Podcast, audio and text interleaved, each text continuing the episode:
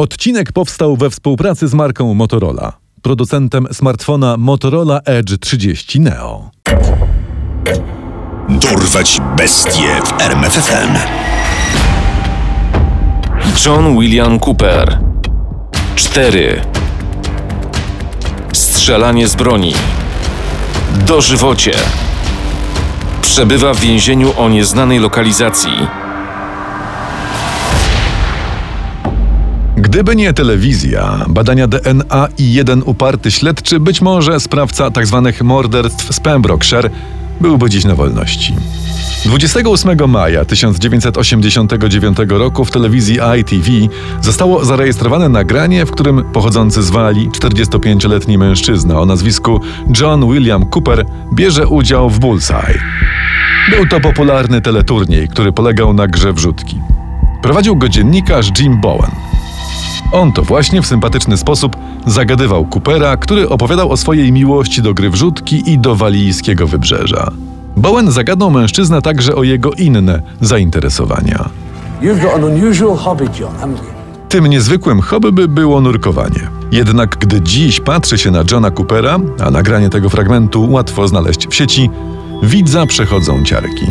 Ten miły, łagodny mężczyzna, śmiało patrzący w kamerę, który ze swadą opowiada o swoim życiu i urokach nurkowania, cztery lata przed występem w telewizji zabił dwie osoby. Zaledwie dwa miesiące po emisji Bullseye pozbawił życia kolejne dwie ofiary. Być może ludzi, których zamordował, było więcej. Miał też na koncie liczne napady z bronią, włamania do domów we wsi Milford Haven w Pembrokeshire, gwałt i napaść na tle seksualnym.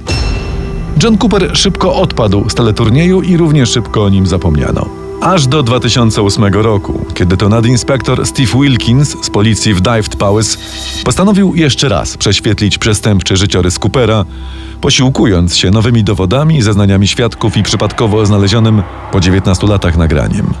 Tuż po procesie mordercy Wilkins powiedział: John Cooper zabijał ludzi dla niewielkich korzyści finansowych. Jest niebezpiecznym i złym człowiekiem. John William Cooper, który po latach okazał się seryjnym mordercą, urodził się w 1944 roku. Już od nastoletnich czasów miał problemy z prawem. Między 17 a 21 rokiem życia był kilkakrotnie oskarżany o kradzież pojazdu, o napaść na funkcjonariusza policji, o zakłócanie porządku w miejscu publicznym i napaść z ciężkim uszkodzeniem ciała. W sumie w jego tzw. Tak karierze uzbierało się około 30 rabunków, napadów i innych brutalnych ataków. W 1978 roku Cooper, pracujący wówczas jako rolnik, wygrał w konkursie Spot the Ball 90 tysięcy funtów. Dziś to byłoby około pół miliona funtów oraz warty 4000 funtów samochód. Gdy finansowe szczęście zapukało do jego drzwi, Cooper rzucił pracę i przepuścił całą wygraną. Jeden z jego znajomych z tamtych czasów wyznał po latach, że John wpadł w hazard i alkoholizm. Wszystko wydał w pubach i u bukmacherów, a ludzie zaczęli się go bać. Cooper podobno obstawiał 50 funtów dziennie na wyścigach konnych. W ten sposób pieniądze szybko się skończyły, a mężczyzna wrócił do kradzieży i do rozbojów. 22 grudnia 1985 roku, tuż przed Bożym Narodzeniem, napadł z bronią w ręku na trzypiętrowy dom w posiadłości Scovenstone Manor, należący do 58-letniego, bogatego właściciela ziemskiego Richarda Thomasa i jego 4 lata młodszej siostry Helen. Oboje zostali zastrzeleni. Następnie Cooper podpalił ich dom, by zatrzeć za sobą ślady. Cztery lata później, 29 czerwca 1989 roku, trzy tygodnie po nagraniu odcinka Bullseye dla ITV, John William Cooper zaatakował po raz kolejny. Jaka szkoda, że nasze wakacje już się kończą. To co, idziemy się przejść wzdłuż wybrzeża? Jego ofiarami zostali Peter i Gwenda Dixon, kończący właśnie urlop w Pembrokeshire. Małżeństwo nigdy nie wróciło ze spaceru. Ich martwe ciała zostały znalezione na nadmorskiej ścieżce. Jak się później okazało, Cooper napadł na nich z bronią w ręku i zażądał, by ujawnili PIN do karty bankomatowej. Następnie morderca wyciągnął Peterowi Dixonowi 300 funtów z kieszeni i strzelił obojgu małżonkom w twarze z bliskiej odległości.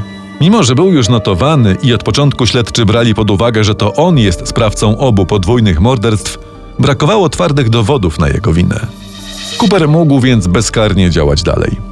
W 1996 roku w lesie za Mount Estate zaatakował pięcioro młodych ludzi grożąc im pistoletem. Wśród nich były dwie dziewczyny, które napastował seksualnie. W przypadku jednej z nich doszło do gwałtu. Jeszcze przez niemal dwa lata cieszył się wolnością. W końcu w 1998 roku został skazany na 14 lat więzienia za rozbój i włamanie. Zwolniono go w styczniu 2009 roku. Wtedy jednak uparty nadinspektor Steve Wilkins intensywnie rozpracowywał Coopera jako głównego podejrzanego o serię zabójstw. Na ubraniu znalezionym w domu przestępcy znaleziono maleńką plamkę krwi pasującą do jednej z ofiar. Śledczym udało się też zabezpieczyć krople zaschniętej krwi na strzelbie Johna Williama. Do tego doszło przypadkowo odnalezione nagranie z telewizji. Dzięki niemu Wilkins mógł porównać rysopis podejrzanego o podwójne morderstwo Petera i Gwendy Dixonów z ówczesnym wyglądem Coopera. Po raz pierwszy zobaczyłem Coopera takim, jakim był podczas morderstwa Dixonów. Przez 30 lat służby widziałem wiele portretów pamięciowych, które miały oddawać wizerunek mordercy, ale nigdy nie spotkałem się z tak uderzającym podobieństwem. Tak po latach napisał Wilkins w swojej książce The Pembrokeshire Murders Catching the Bullseye Killer. Gdy nadinspektor uważnie przeanalizował nagranie, zrozumiał także, że Cooper w zaowalowany sposób zdradza Jimowi Bowenowi miejsca, w którym ukrył zwłoki zamordowanych Dixonów. Zebrane dowody wystarczyły, by ponownie aresztować Johna Williama Coopera. 26 maja 2011 roku zapadł wyrok. Za podwójne morderstwo rodzeństwa Richarda i Helen Thomasów z 1985 roku oraz podwójne morderstwo Petera i Gwendy Dixon w 1989 roku Cooper otrzymał karę dożywotniego pozbawienia wolności. Został także skazany za gwałt na 16-letniej dziewczynie oraz napaść seksualną na jej o rok młodszą koleżankę. Podczas odczytywania wyroku sędzia Sądu Najwyższego John Griffiths Williams powiedział m.in., że pozostawienie Coopera na wolności stwarzałoby ogromne zagrożenie. 65-letni Cooper zarówno podczas procesu, jak i odczytywania wyroku krzyczał do sędziego, twierdząc, że nie odnaleziono żadnych przekonujących dowodów, które wskazują na jego winę. We wrześniu 2011 roku złożył apelację, która w listopadzie 2012 została odrzucona. Morderca odsiaduje po dziś dzień swój wyrok. To jednak nie koniec historii Johna Williama Coopera. Prawdopodobnie jest on powiązany z kilkoma innymi niewyjaśnionymi do dzisiaj przestępstwami.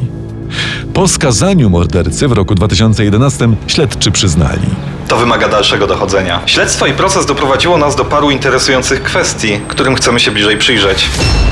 Okazało się, że niektóre niewyjaśnione morderstwa dokonane w południowej Walii wykazują wielkie podobieństwo do zabójstw dokonanych przez Coopera. Jedno z nich to zagadkowa śmierć 72-letniej Flo Evans z 1989 roku. Kobieta została znaleziona w wannie w swoim domu, który znajdował się w pobliżu miejsca zamieszkania Coopera. Od początku podejrzane było choćby to, że Evans musiała się kąpać w zimnej wodzie, ponieważ w chwili śmierci miała wyłączone ogrzewanie. Co więcej, John Cooper znał żyjącą samotnie kobietę osobiście. Wykonywał dla niej od czasu do czasu dorywcze prace. W 1989 roku nie było jednak żadnych dowodów na to, że w śmierć Flo Evans wplątane były osoby trzecie. Policja zanotowała, że kobieta musiała przypadkiem uderzyć się w głowę wchodząc do wanny z zimną wodą i utonąć. Po skazaniu Coopera śledczy skontaktowali się z rodziną zmarłej. Według naszych informacji Flo Evans nie zginęła przypadkowo. Istnieje powiązanie między jej śmiercią a innymi zabójstwami dokonanymi przez Johna Williama Coopera.